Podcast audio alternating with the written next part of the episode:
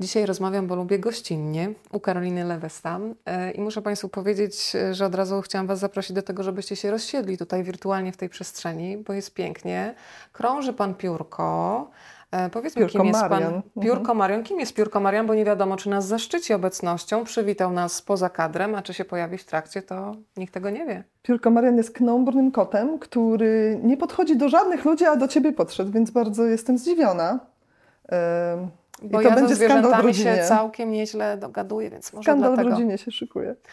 Skandalistka Mhm. na, e, na dzień dobry. Karolina, pozwól, że Cię przedstawię tym, którzy Cię jeszcze nie znają. Filozofka z doktoratem na Uniwersytecie Bostońskim. Należy się chwalić, prawda? Więc powiem, ty, ty jesteś skromna, więc byś sama nie powiedziała. To co, może przyniosę dyplom? Wierzymy na słowo. Tutaj Dobrze. wiesz, y, dużo, dużo zaufania na pewno, ale dzisiaj się spotykamy przy okazji Twojej książki. Książki Silla. Opowieści świata Zorze otwiera się nowa seria fantazy. Zacznijmy od tego obrazu, który jest y, za nami w tle, Mm, bo tutaj mamy te migoczące punkciki, mamy zorze. E, Kto jest y, autorką tego obrazu? No, obraz powstał ponad 10 lat temu, bo tę książkę nosiłam w sobie bardzo, bardzo długo. Zaczęłam już ją pisać na studiach. E, I pisałam, i pisałam, i pisałam. I właściwie jedyną osobą, która wierzyła w tę książkę, to była moja mama. E, I moja mama też jakby malowała w owym czasie, e, więc zaczęła szkicować scenę z tej książki. E, No i to jest ten szkic. Ona oczywiście strasznie się go wstydzi i, i, i w ogóle chciałaby, na, pewno zapadnie się pod ziemię, jak zobaczy, że to gdzieś w ogóle Droga wypłynęło. mamo, dziękujemy za ten A, obraz. ale Proszę dla mnie nie to jest bardzo wzruszające, bo y, to był pierwszy taki moment, kiedy zobaczyłam swoich bohaterów gdzieś jakoś wyabstrahowanych z tekstu. I to było niesamowite przeżycie. Dla mnie jest bardzo wzruszające to objęcie. W tym Mhm. objęciu jest wszystko. Yy, Karolina to jest książka pełna metafor, książka pełna metafizyki, przygód. Od razu się zanuszasz w tym magicznym y, świecie. Yy, Ale zacznijmy od tego zielonego punkcika, od maleńkiej kropeczki zielonego światła, która się wznosi, wiruje, opada. Pomyślałam sobie, że ty musiałaś widzieć zorzę polarną na własne oczy, bo wyobraźnia byłaby za mała, żeby opisać to w tak sensualny sposób.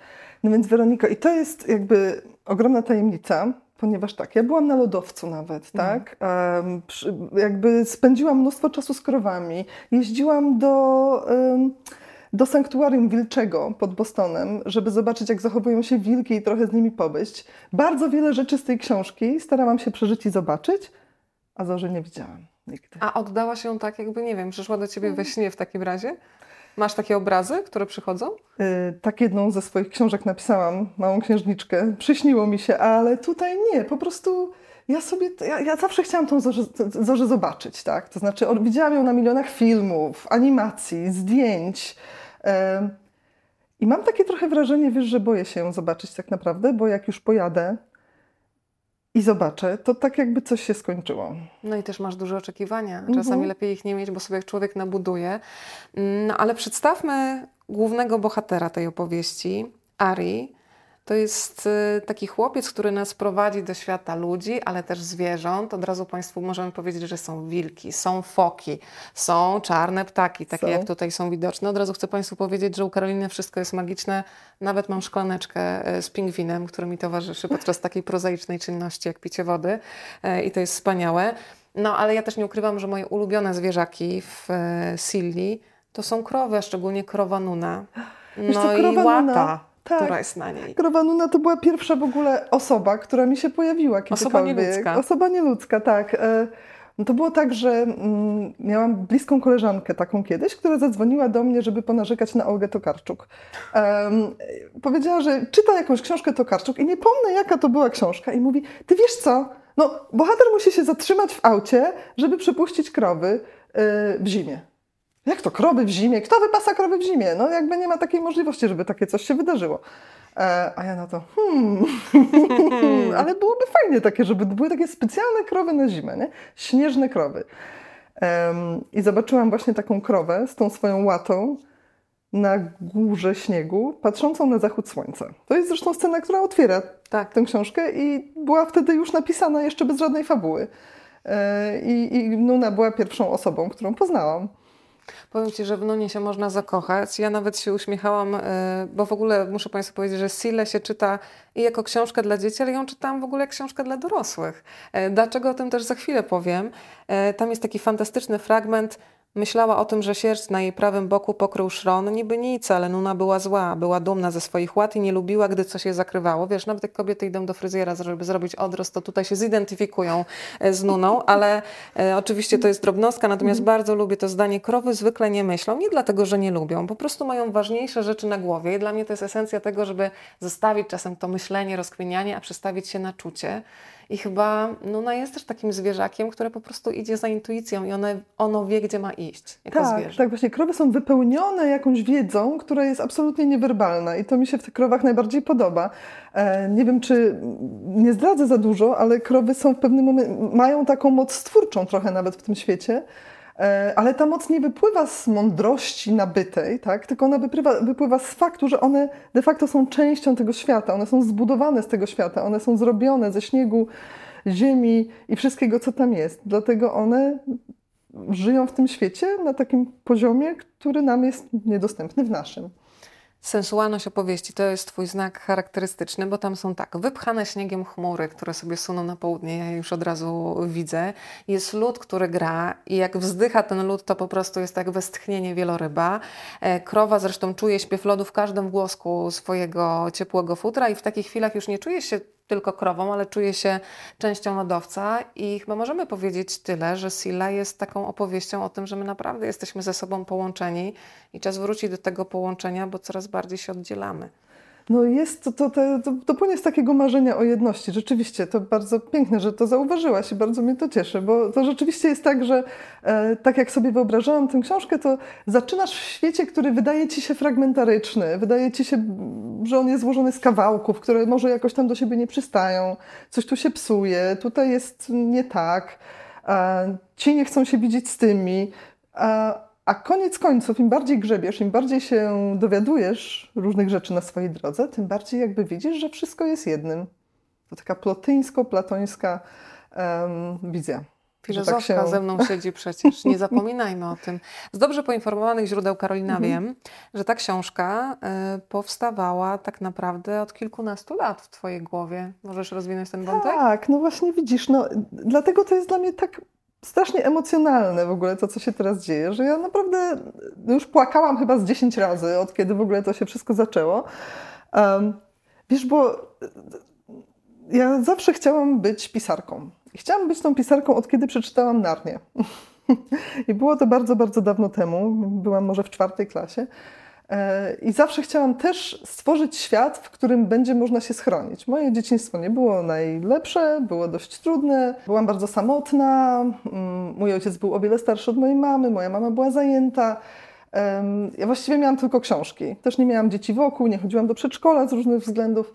E, I właśnie tą pierwszą rzeczą, która mnie tak jakoś wyzwoliła z tego poczucia, że wszystko jest takie ciężkie i nieprzyjemne i, i, i jakoś tak napiera na mnie, to była, były książki o Narni, które odkryłam zupełnie przypadkiem.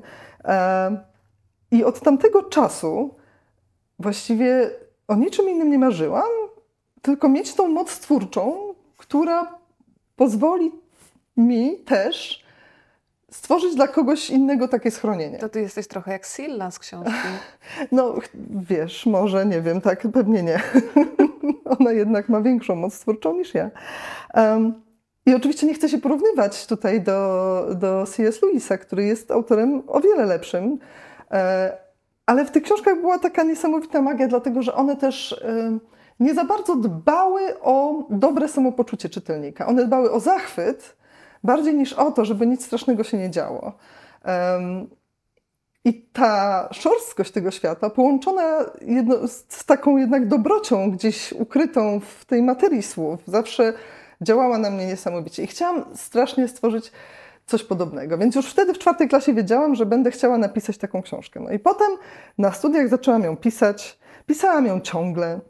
Pamiętam, że jak robiłam swój doktorat, to jeden z profesorów, który prowadził mój doktorat, powiedział wtedy, dlaczego nie skończyłaś jakiegoś tam czegoś, co miałeś skończyć? Ja mówię, no wiesz, no, bo ja piszę taką książkę, wiesz, tam jest zorza, nie? I tam są takie niedźwiedzie. A on mówi, O, kochana, to nie, nie, nie, bo to nie tutaj, wiesz. Tutaj mamy tylko ludzi, którzy są całkowicie poświęceni tej sprawie, więc powinnaś się zastanowić nad swoją przyszłością, czy jakby dalej chcesz pisać tę książkę. No to udawałam, że nie piszę, ale dalej ją tam pisałam. Nie?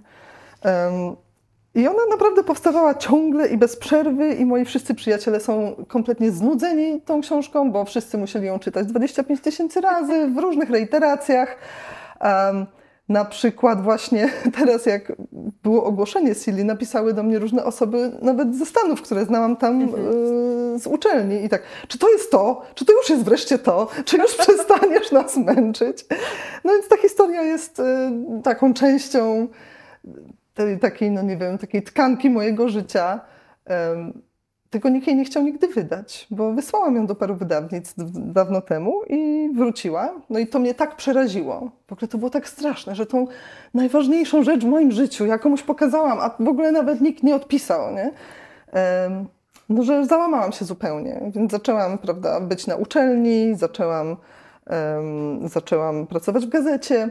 Ale cały czas mi się wydawało, że ja jednak jestem pisarką. No i przypadkiem oczywiście zaproponowano mi inną książkę, potem inną mi się udało sprzedać.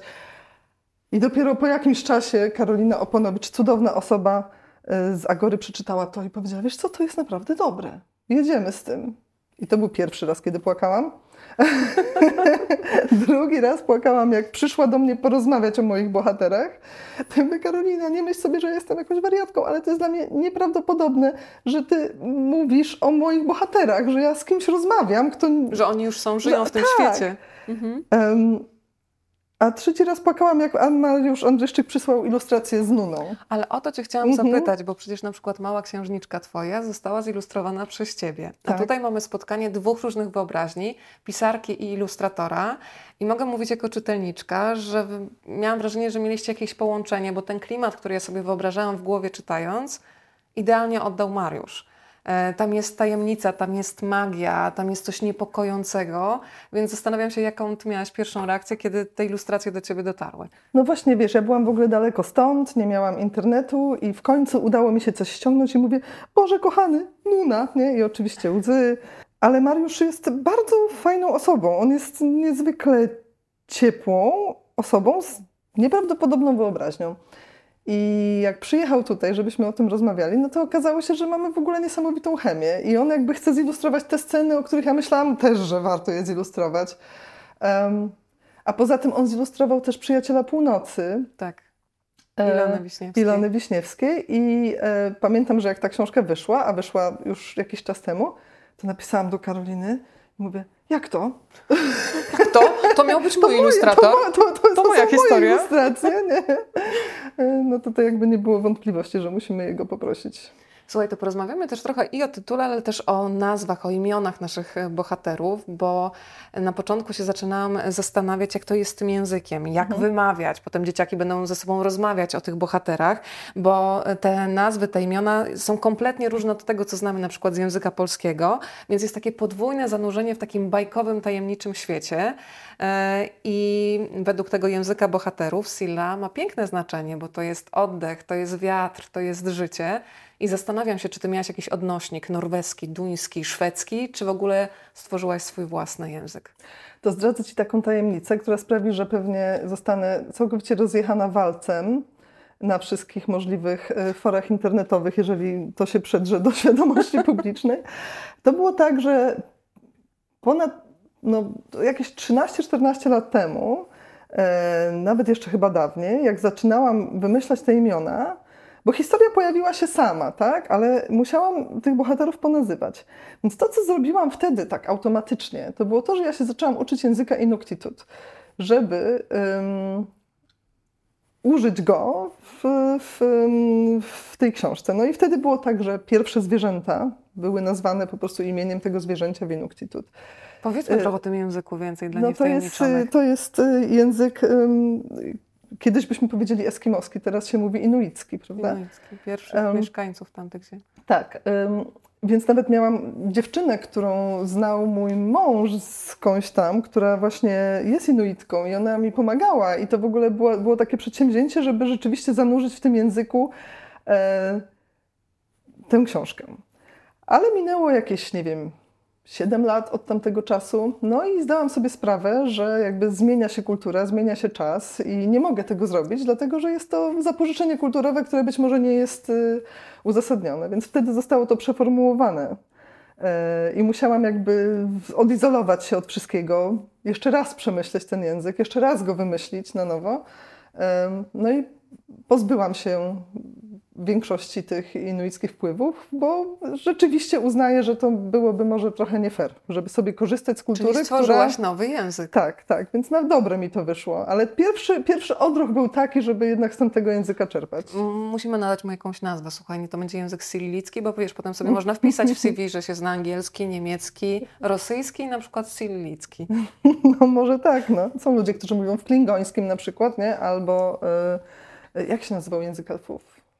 Nie wiem. Może nam Państwo podpowiedzą. No, no ja nie wiem. Uh-huh. Niech nas ktoś poratuje.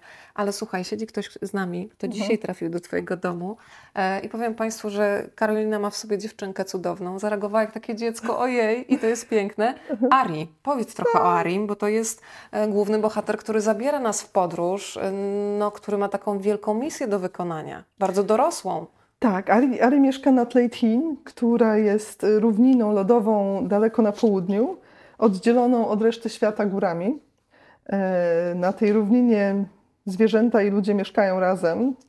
E, I raz w roku spotykają się, żeby razem oglądać zorze. Zorza to jest największe wydarzenie. To życie nie jest takie łatwe, jak jest bardzo zimno. E, dlatego wszyscy muszą się jakoś wspierać i to, co daje im tą nadzieję, to, co sprawia, że żyją jednak w jakimś względnym zdrowiu psychicznym, prawda? To jest to, że raz w roku się spotkają i będzie to święto zorzy. Um, I zorza wybiera, bo są wróżbi ci, którzy czytają z zorzy. Zorza wybiera takiego zwykłego chłopaka z Leitin, właśnie Ariego, żeby um, poszedł i uratował ją. Dlatego, że od jakiegoś czasu, zresztą wiemy, w tym świecie nie dzieje się już najlepiej, robi się coraz zimniej i zorza zaczyna blednąć, co jakby sprawia, że na wszystkich pada zupełnie blady strach.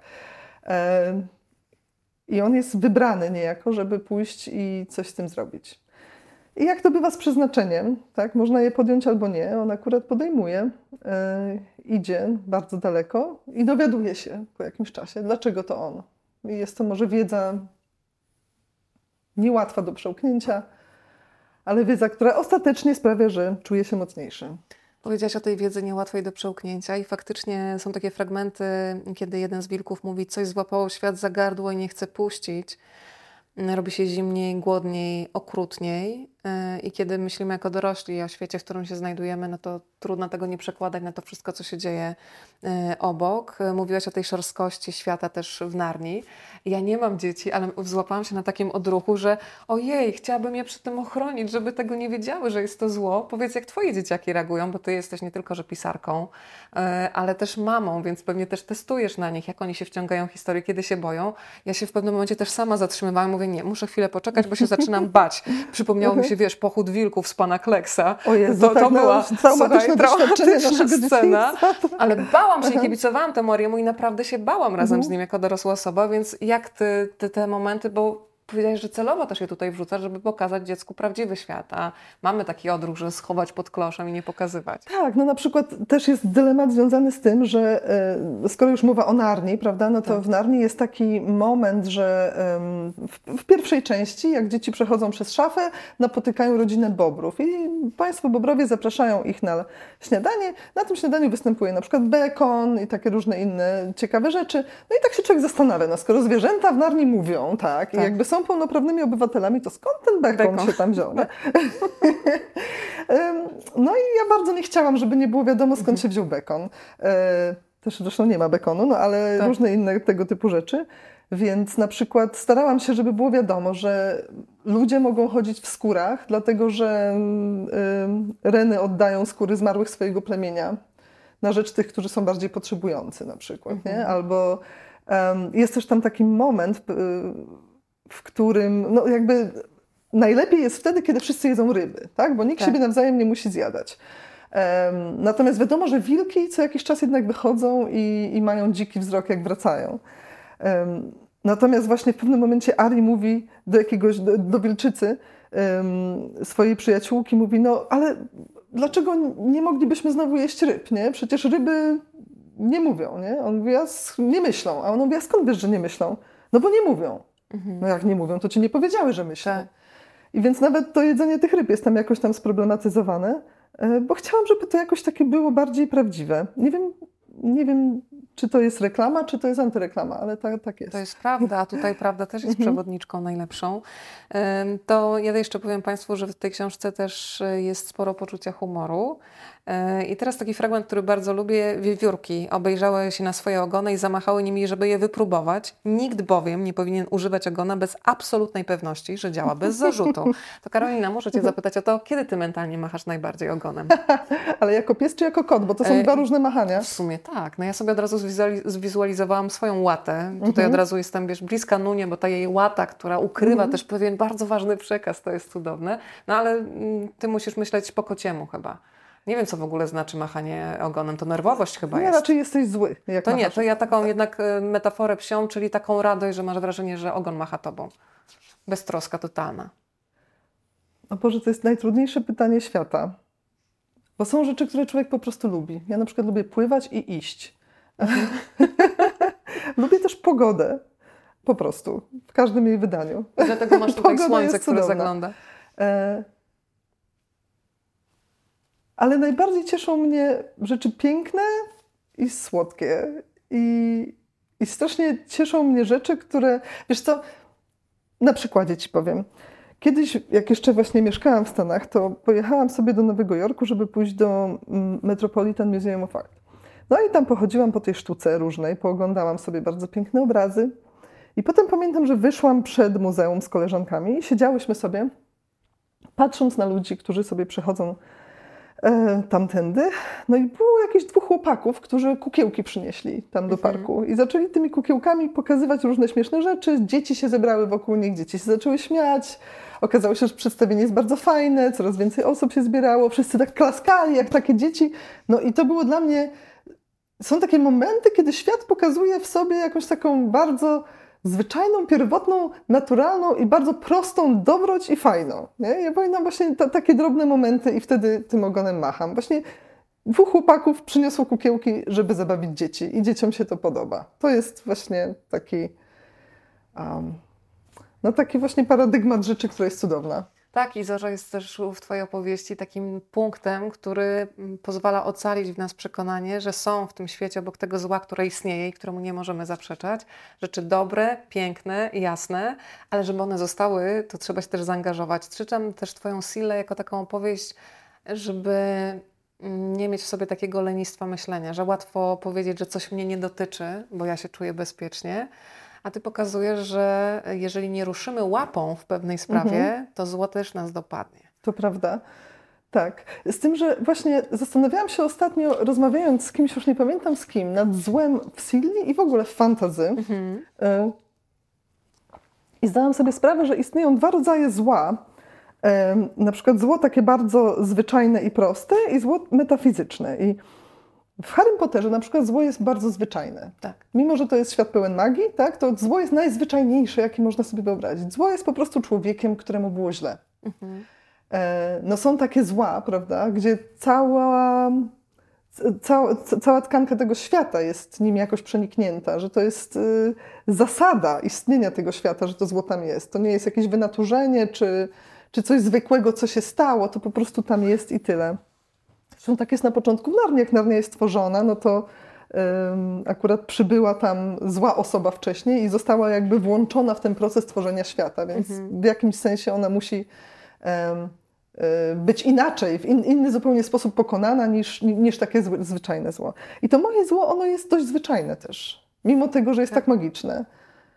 To jest zło, które też wynika z odrzucenia z prostych rzeczy. Czy strachu mhm. przed tak. odrzuceniem tak. też. Mhm. A powiedz mi, mm, jest taki fragment yy, i cieszę się, że z jednej strony dzieciaki się będą angażować yy, też w przygodowość tej opowieści, mhm. bo tam jest bardzo dużo takich zwrotów akcji, ale też dorośli będą mieli szansę na to, żeby się zastanowić. Jest takie proste zdanie, musisz zawsze pamiętać, kim jesteś, Ari, pamiętaj, kim jesteś, nie zapomnij. I zaczęłam się zastanawiać, czy my jako dorośli, szczególnie w tym szalonym pędzie, dajemy dzieciakom czas na to, żeby one się dowiedziały, kim są. Że coraz częściej są tak strasznie profilowane, masz być taki.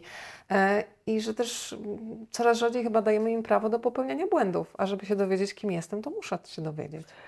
To prawda, a nawet jak już się dowiemy, to bardzo szybko o tym zapominamy, dlatego że e, tak jak zresztą w przypadku Ariego, no to jest tak, że on wydaje mu się, on wie tak naprawdę głęboko, że jest prostym chłopakiem z Tleitin, który akurat musi zrobić coś ważnego.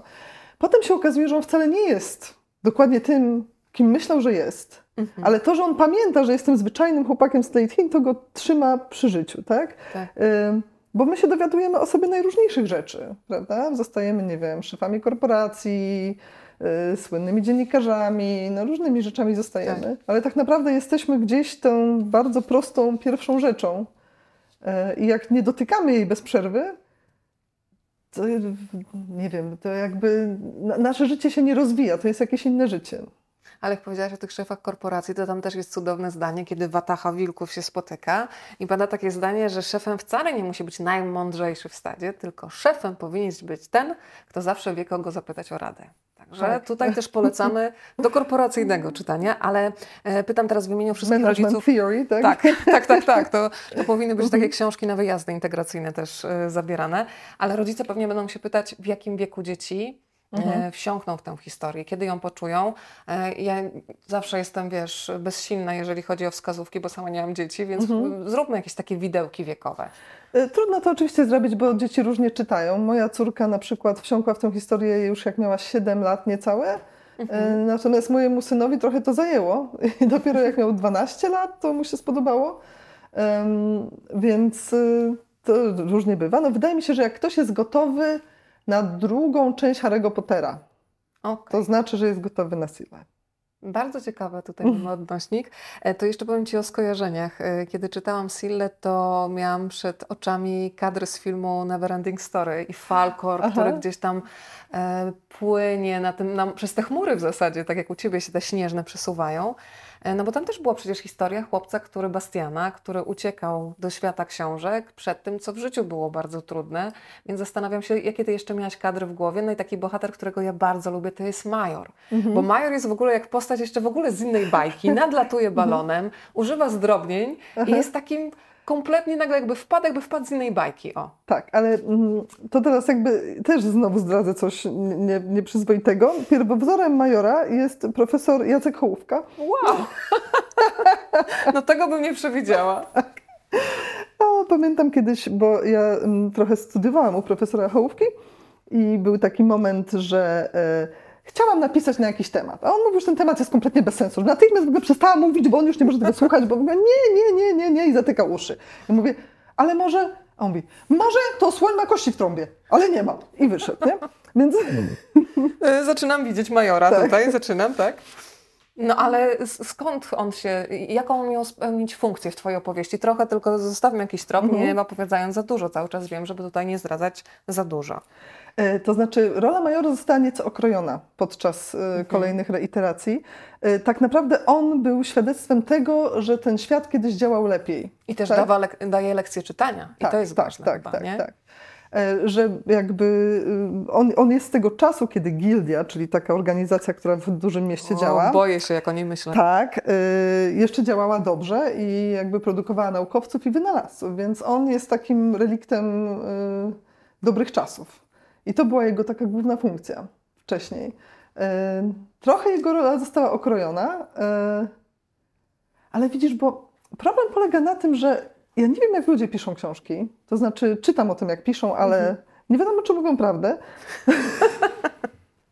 Natomiast... Zasada ograniczonego zaufania do tego, Właśnie. co opowiadają ludzie. Tak. Zawsze. E, I ten, i, a, a ja to, tę książkę akurat napisałam w ten sposób, że widziałam różne rzeczy, a potem jakby powstała fabuła, która te, te sceny łączyła. Na przykład, nie wiem, kobietę, która z powietrza, głaskając powietrze, zgęstniając je, wytwarza ptaki, tak? E, czarne ptaki wylatujące na tle białego, białego świata. No to była scena, którą ja znałam, zanim znałam jeszcze jakby tę kobietę. E, no i podobnie było z Majorem. Ten dziwny facet z zającem, który jedzie, e, który leci balonem nad miastem, tak? On też się pojawił gdzieś tam. Przyleciał. Przyleciał, no co ci powiem. Ja lubię tego zrobienia pupu, pupuś, pupinio. Maciupku, ciupku, ciupku, pupku, zwierzaczku, futrzaczku. To jest właśnie Tak. major. Ale E, zające, że tak powiem, różnie reagują. Różnie reagują, to prawda, ale jest też takie piękne zdanie, że nic innego nie mógł zrobić oprócz opowiedzenia swojej historii. Pomyślałam sobie, że czasem właśnie tak jest, że mamy tylko i aż słowa. E, I czasami to słowo usłyszane w odpowiednim momencie zmienia bieg zdarzeń. I jest też taki fragment, kiedy nasz Ari, tutaj siedzący, zaczyna czytać, zaczyna uczyć się razem z tymi zającami. No i odkrywa, że po raz pierwszy w życiu nie boi się liter i po raz pierwszy może odkrywać ukryte za nimi sensy. I chciałam Cię zapytać o taki moment w Twoim życiu, kiedy jako mała dziewczynka zrozumiałaś, że te litery poskładane w jakieś określone kombinacje to są właśnie drzwi do nowego świata. Taki moment olśnienia, wow, mam klucz do, do ucieczki, do wskakiwania cały czas w nowe światy. Trudne pytanie, dlatego że ja się nauczyłam czytać trochę wcześniej niż pamiętam. Mhm. Dosyć wcześnie się nauczyłam czytać. Ja, ja no wiesz, siedziałam sama z tymi książkami po prostu. Y, I tego momentu, kiedy litery się otwierają i światy się pokazują, to, to, to nie pamiętam tak naprawdę. Ale pamiętam te światy, tak? Jednym z pierwszych światów był świat muminków. Gdzieś tam ktoś dostał na jakiś... A z jaką postacią się identyfikujesz? ym, Ja jestem trochę takim paszczakiem, który tak chodzi i tak. rzeczywiście wyglądasz na paszczaka. Ale wiesz, tak myślę tak mentalnie, że on był taki, taki Mhm. melancholijny czasem, niby spokojny, ale rozotrkany w środku. No. Ryjkiem też mogłabym być w sumie. No ryjkiem trochę tak, ryjkiem y, z komety, tak? Mhm. ale najbardziej chyba się identyfikuję z muminkiem w zimie muminków. Większość życia wydawało mi się, że się obudziłam w jakimś miejscu, Mhm. w którym wszyscy inni śpią albo są bardzo dziwni. I nie byłam w stanie tego świata oswoić. I dopiero tak naprawdę, Jezu, po, wiem, po 35 roku życia zaczęłam sobie zdawać sprawę, że nie wiem, tą zimę można do swoich celów jakoś wykorzystać, jakoś się w niej rozgościć, jeździć na sankach. A tak cały czas chodziłam jak muminek taka wkurzona i mówiłam, gdzie to słońce, nie? Ja tutaj czekałam na jakieś słońce, tego słońca nie ma, a ja pragnę słońca. E, I nie wiedziałam za bardzo, jak to słońce miałoby wyglądać w moim przypadku. Ale A, Ari, uratowany. Ty masz Tak. misję chłopaku do no spełnienia. właśnie, tutaj siedź porządnie. Czyli y, dość, dość wcześnie wsiąknęłaś w te ukryte znaczenia. Bardzo wcześnie, tak. No i one stały się właściwie całym moim światem, bo, bo nie miałam za bardzo świata poza nimi. Jest też taka bohaterka, którą uwielbiam, to jest Kutik, którą Mhm. spotyka nasz Ari w trakcie swojej podróży. I ona też jest dla mnie takim dowodem na to, że te swoje uczucia można przekazywać światu na przeróżne sposoby. Są różne sposoby ekspresji. Ona mu daje, nie powiem, figurkę, nie powiem, co ta figurka przedstawia, ale ta figurka jest takim jasnym znakiem e, wsparcia, takiego, i to jest też dla mnie taki dowód, że dzieciaki, tak samo jak zwierzęta w Twojej opowieści, nie potrzebują słów, żeby dawać to, co najcenniejsze. Powiedz trochę o Kutik, bo ona Kotyk jest, jest niesamowita cudowna. i ja ją kocham. I ym, to jest dziewczyna, która bardzo Ariemu imponuje, tak? To znaczy ona miała się kształcić na śpiewaczkę, ale to nie wychodzi, ponieważ głosu nie ma, y, za grosz y, i, i, jest takim hersztem bandy w pewnym miejscu, do którego przybywa Ari. I, i między nimi interakcja jest krótka, ale na tyle mocna, że on pamięta ją bardzo długo i ona pojawia się znowu na końcu. I mogę zdradzić teraz mm, Ci, że w drugiej części Kutik właściwie jest główną bohaterką. O proszę. Tak, to znaczy przygoda w pewnym sensie przechodzi na nią. To też wynika z tego, że widzisz, znowu wyobrażałam sobie pewne rzeczy i teraz muszę je jakoś ogarnąć. Ja e, Sillę za, za, zadedykowałam Maxowi, który jest moim najstarszym dzieckiem. E, Ma już 14 lat i w okolicach powstawania tej książki się tam już pojawiał. A Małą księżniczkę zadedykowałam Matyldzie, mojej średniej pociesze, że tak użyję słowa dziwnego. E, A Klara, która ma 4 lata, chodzi i cały czas płacze, że ona nic nie ma. Nie? Że jak to jest tak w ogóle, że tutaj po prostu Maciub ma swoją książkę i Półki ma swoją książkę, a ja nie mam żadnej książki. No jest to y, niesprawiedliwość i to taka wyraźna. Tak. I ona jest bardzo jak kutik, wiesz? I, i to jest ten problem. I, i jeszcze ona, nie, nie znałam jej wtedy, jak To zaczynałam jestem to spokojna, pisać. że ona zawsze wyegzekwuje to, czego będzie Zawsze. chciała. Tak, no właśnie już właśnie egzekwuję. A nie znałam jej jeszcze, jak pisałam to, ale nie, i nie wiedziałam, że jej ulubionym zwierzęciem będą leopardy. Nie wiem, jakby powinno się mówić lamparty, ale ona mówi leopard. Więc trzymajmy Tak. się tego. Klara wie, co jak mówi. się dowiedziała, że leopardy tutaj są złe w tej książce, to po prostu był płacz i zgrzytanie zębów i rwanie włosów z głowy i rzucanie różnymi rzeczami. A ja sobie sobie wyobraziłam właśnie Klarę, jak jest trochę większa i śpi w namiocie nad brzegiem zamarzniętego morza w objęciach z leopardem śnieżnym. Yy, I od tego się zaczął drugi tom. Wiesz co, wzruszyłam się, bo miałam taki moment kiedyś smutku i zawsze mamy tak z moim psem łatą, że jak idziemy spać, to ona mi się kładzie na wysokości brzucha, ale jak mi jest tak smutno, to sobie wyobrażam, że jeszcze nade, bo ja czuję, że ja ją otaczam swoim cieplem, to sobie wyobrażam taką wielką psicę jeszcze nade mną, która mnie Aha. otula i robimy taki krąg, więc jak mówiłaś o tych leopardach, to mi się takie też e, zwierzęce porównanie e, tutaj wkradło. Słuchaj, to jeszcze zapytam Cię o jedną rzecz. Em, Jest taki moment, kiedy gadają ze sobą wilki e, i mamy też tych ludzkich bohaterów i pada takie zdanie, wydaje mi się, że nic z tego nie będzie. Typowe ludzkie gadanie, zdenerwował się wilk, rozejrzyj się wokół, co widzisz? No i pytanie, jak to jest z tym nastawieniem? Ty zawsze miałaś takie sobie nastawienie, że niezależnie od tego, jak wygląda sytuacja, to szukasz rozwiązań? Czy nie, nic z tego nie będzie i w ogóle się poddaje? Ile w tobie jest kutik, a ile w tobie jest e, no, takiego poddającego się bohatera, którego też to można spotkać? No, Kutik nie ma we mnie za grosz, absolutnie. Ona jest No taką ty? sublimacją moich głębokich pragnień i tęsknot.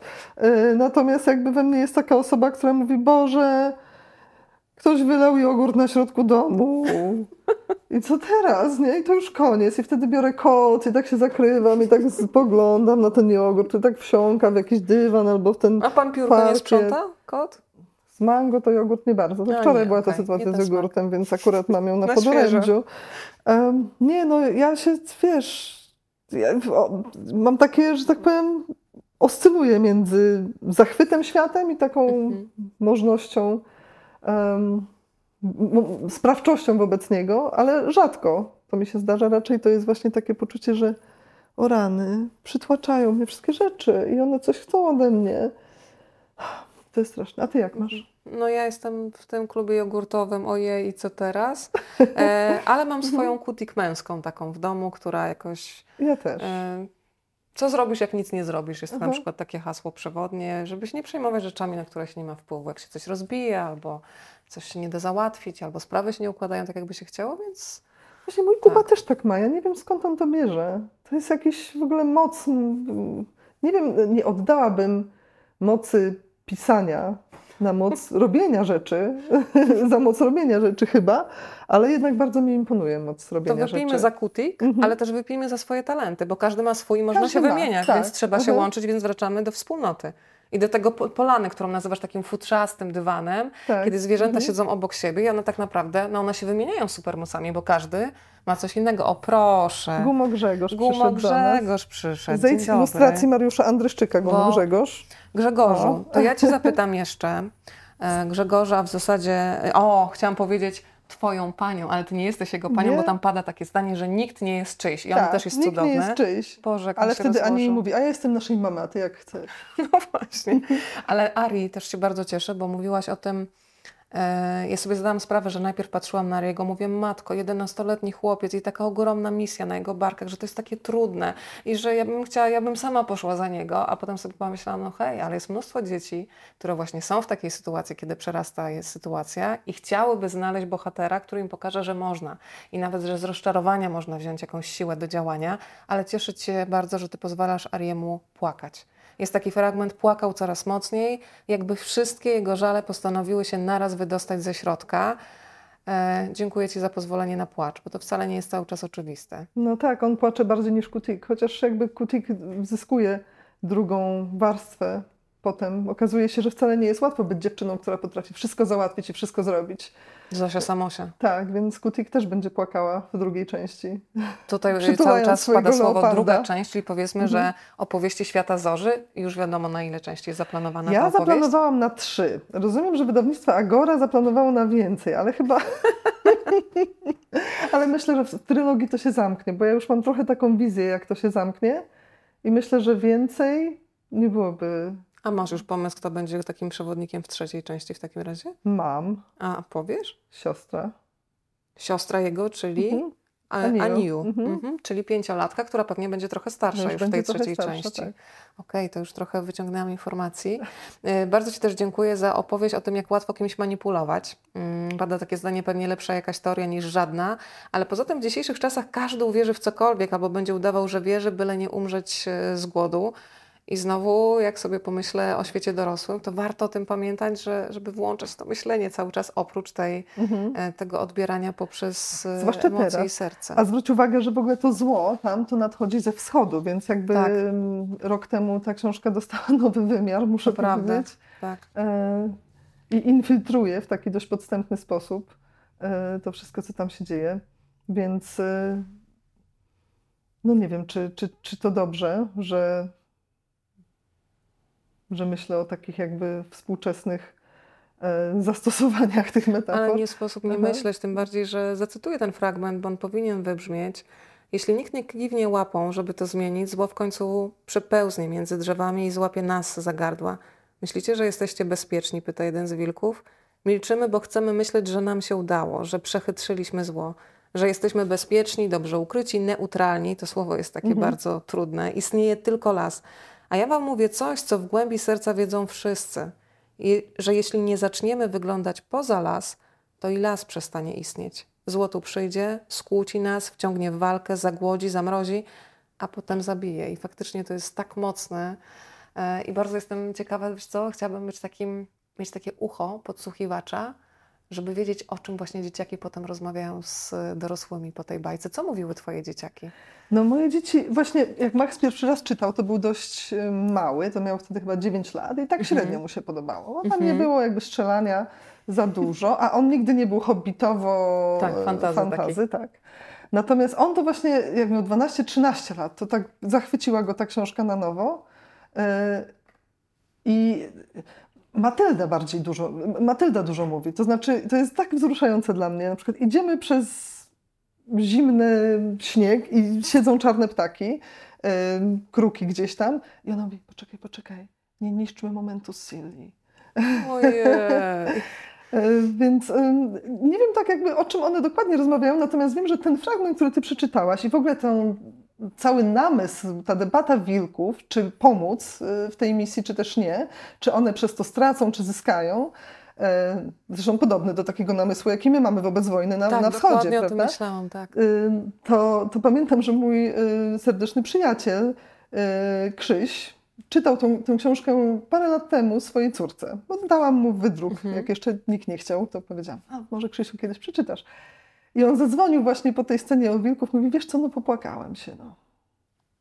Czyli będzie płacz, ale taki oczyszczający. To jeżeli mówimy o płaczu, to jest taki fragment, który też mnie jakoś rozłożył emocjonalnie na łopatki. Myślę, że będzie bardzo bliski na przykład wszystkim mamom adopcyjnym. Tak. Jest Mhm. taki piękny fragment. Dlaczego szara wilczyca chowa nie swoje dziecko? Zapytał jakiś głos w głowie chłopca. Bo tak zdecydowała. Zdecydowała się go kochać, odpowiedział drugi. I ta opowieść o miłości jako o decyzji Mhm. no, jest czymś takim, że właśnie wilgotnie ją łączy. No. Tak. tak, wiesz, jest taka w ogóle przepiękna. Ja akurat nie jestem matką adopcyjną, ale było blisko w pewnym momencie. Mhm. I jest taka przepiękna książka Jamie Lee Curtis, Mhm. of all people. Nie? Dziwne, że to ona napisała. E, opowiedz mi o, o dniu, w którym się urodziłam. To jest książka po angielsku, którą mam. I za każdym razem, jak czytam tą cholerną książkę, za każdym razem wyję. No. I nawet dałam moim koleżankom, żeby sprawdzić, czy tylko ja. Nie, nie tylko ja. I to jest właśnie o tym, jak dziecko prosi mamę. To jest książka obrazkowa dla dzieci. Mama, opowiedz mi jeszcze raz o dniu, w którym się urodziłam. Opowiedz mi o tym, jak leżeliście w łóżku i czekaliście na telefon, a tata strasznie chrapał. Opowiedz, jak dostaliście telefon i musieliście się szybko spakować i wsiąść w samolot, bo właśnie już się urodziłam. I opowiedz, jak wzięliście mnie i nie wiedzieliście, co ze mną zrobić. I babcia z dziadkiem przyjechali. I to dziecko prosi o tę opowieść, oferując tę opowieść, bo tą opowieść już tak dobrze zna. Ta opowieść jest Tak. częścią życia tej dziewczynki. I jest w tej, w tej prośbie taka absolutna pewność, że jest miłość, że to jest normalna opowieść o, o dniu urodzenia. I to mnie zawsze też bardzo bierze. A tutaj właśnie ta kwestia rodzicielstwa jest, jest bardzo ważna. E, Co to znaczy być matką, prawda? Co to znaczy w ogóle być ojcem? Co to znaczy mieć z kimś relację prawdziwą? I jak tę relację się zdobywa? Um, i tutaj właśnie jak jest ta scena z e, ojcem Ariego, to mhm. też jakby miałam e, problemy z napisaniem jej, bo też się oczywiście popłakałam. Przepraszam, co wychodzi w, tym, w tej naszej rozmowie, że ja nic nie robię, tylko wyję, ale to jakby wszystkie te momenty są skoncentrowane wiesz, wokół tej jest, książki. Ale wiesz, co jest najtrudniejsze? Najtrud... Nie wiem, czy tak masz, ale ja no. najbardziej no. lubię takich momentów, kiedy jest dużo takich, wiesz, trudnych emocji, ja nie mogę płakać. Aha. Jakby się zatrzymało wszystko gdzieś na koniuszku rzęs, ja mówię, nie, ja już chcę, ja już chcę się poryczeć. No. I ja na przykład lubię, znaczy lubię w ogóle w sobie umiejętność płakania, bo to jest tak oczyszczające, no. Ale wiesz, że w ogóle dowiedziałam się ostatnio, że we łzach jest bardzo dużo kortyzolu, więc to jest bardzo A, sensowny sposób na pozbywanie się go. Wyrzucajcie mhm. kortyzol tak. razem z sieną też. Słuchaj, ale to też jest opowieść o miłości, mm, na którą nie trzeba zasłużyć. Że miłość po prostu się dostaje i nie trzeba tutaj jakoś zabiegać specjalnie o to uczucie. Tak, i to jest najważniejsze chyba w tej książce, że żeby mieć czyjąś miłość, niekoniecznie trzeba coś zrobić, prawda? Zrobić nie trzeba nic. E, I to jest akurat to, co mówi matka do syna. E, żeby mieć moją miłość, nie musisz uczynić nic. Ale tak to jest z tą miłością. To znaczy nie każdą oczywiście, na pewno z rodzicielską i może jeszcze z kilkoma innymi rodzajami tej miłości. Że jak już się ją ofiaruje, to sam ten akt ofiarowania, prawda? Jakby to jest wszystko, czego trzeba. I że nie okazane komuś dzieje, serce to jest wraca. magia, nie? Magia. A pokaż mi jeszcze swoje tatuaże. Ja wykorzystam to, że nie jesteśmy przez komputer, że nie dzieli nas tak. żadna tutaj mhm. e, ściana, tylko jesteśmy. No mam Mamy tego trzy. pingwina. On jest bardzo podobny do tego mojego, słuchaj, e, w szklance. To nie jest przypadek. No nie. E, a pozostałych ancymonów możesz przedstawić. Zresztą bardzo się cieszę, że tutaj się pojawiają takie ładne słowa jak huncwot na przykład u Ciebie. Tak, huncwot jest dobry, prawda? To jest ja dobry, bardzo nie? lubię ja też. Ale to jest e, leopard, czyli ulubione zwierzę, zwierzę Klary. To jest pingwin, czyli ulubione zwierzę Matyldy, a to jest rekin młot, czyli ulubione zwierzę Maxa. Ale fantastycznie, czyli całą gromadę zawsze masz tutaj przy sobie. Tak. I to może nie dlatego, że ja tak straszliwie jakby chcę e, zamanifestować miłość do moich dzieci w ten sposób, to raczej jest tak, że bardzo trudno stwierdzić, co by się chciało mieć na tatuażu. Nie? I wiadomo, mhm. że przynajmniej z tymi dziećmi to będziesz się użerać do końca życia. Więc to nie jest jak wytatuowanie sobie, na przykład, nie wiem, Rafał albo Tomek, nie? I cały czas, ale też takie przypomnienie o tej dziecięcości, którą ty masz w sobie i to jest fantastyczne.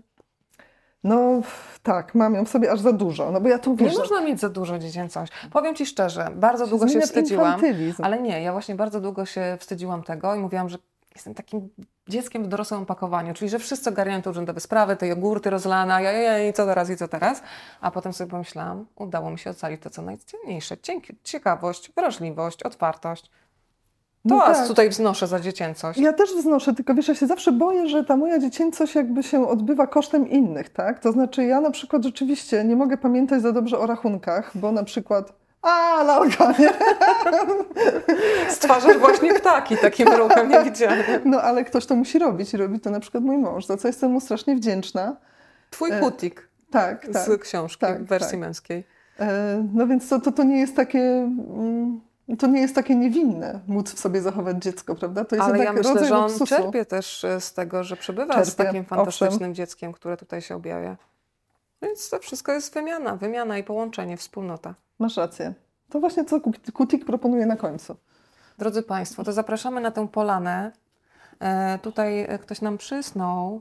E, a w ogóle jak się Grzegorz pojawił? Ja muszę się dopytać w tym domu. Ma, Gumo Grzegorz? Gumo Grzegorz po prostu został... I skąd w ogóle Gumo Grzegorz? No, pierwszy raz widzę kota o takim tutaj Gumo... imieniu i nazwisku w zasadzie. Nie, bo to jest jakby jedno słowo. A, to jest jedno słowo. Gumo tak. Grzegorz, przepraszam. E, najpierw się pojawiły piórko Marian i Lampo Zdzisław.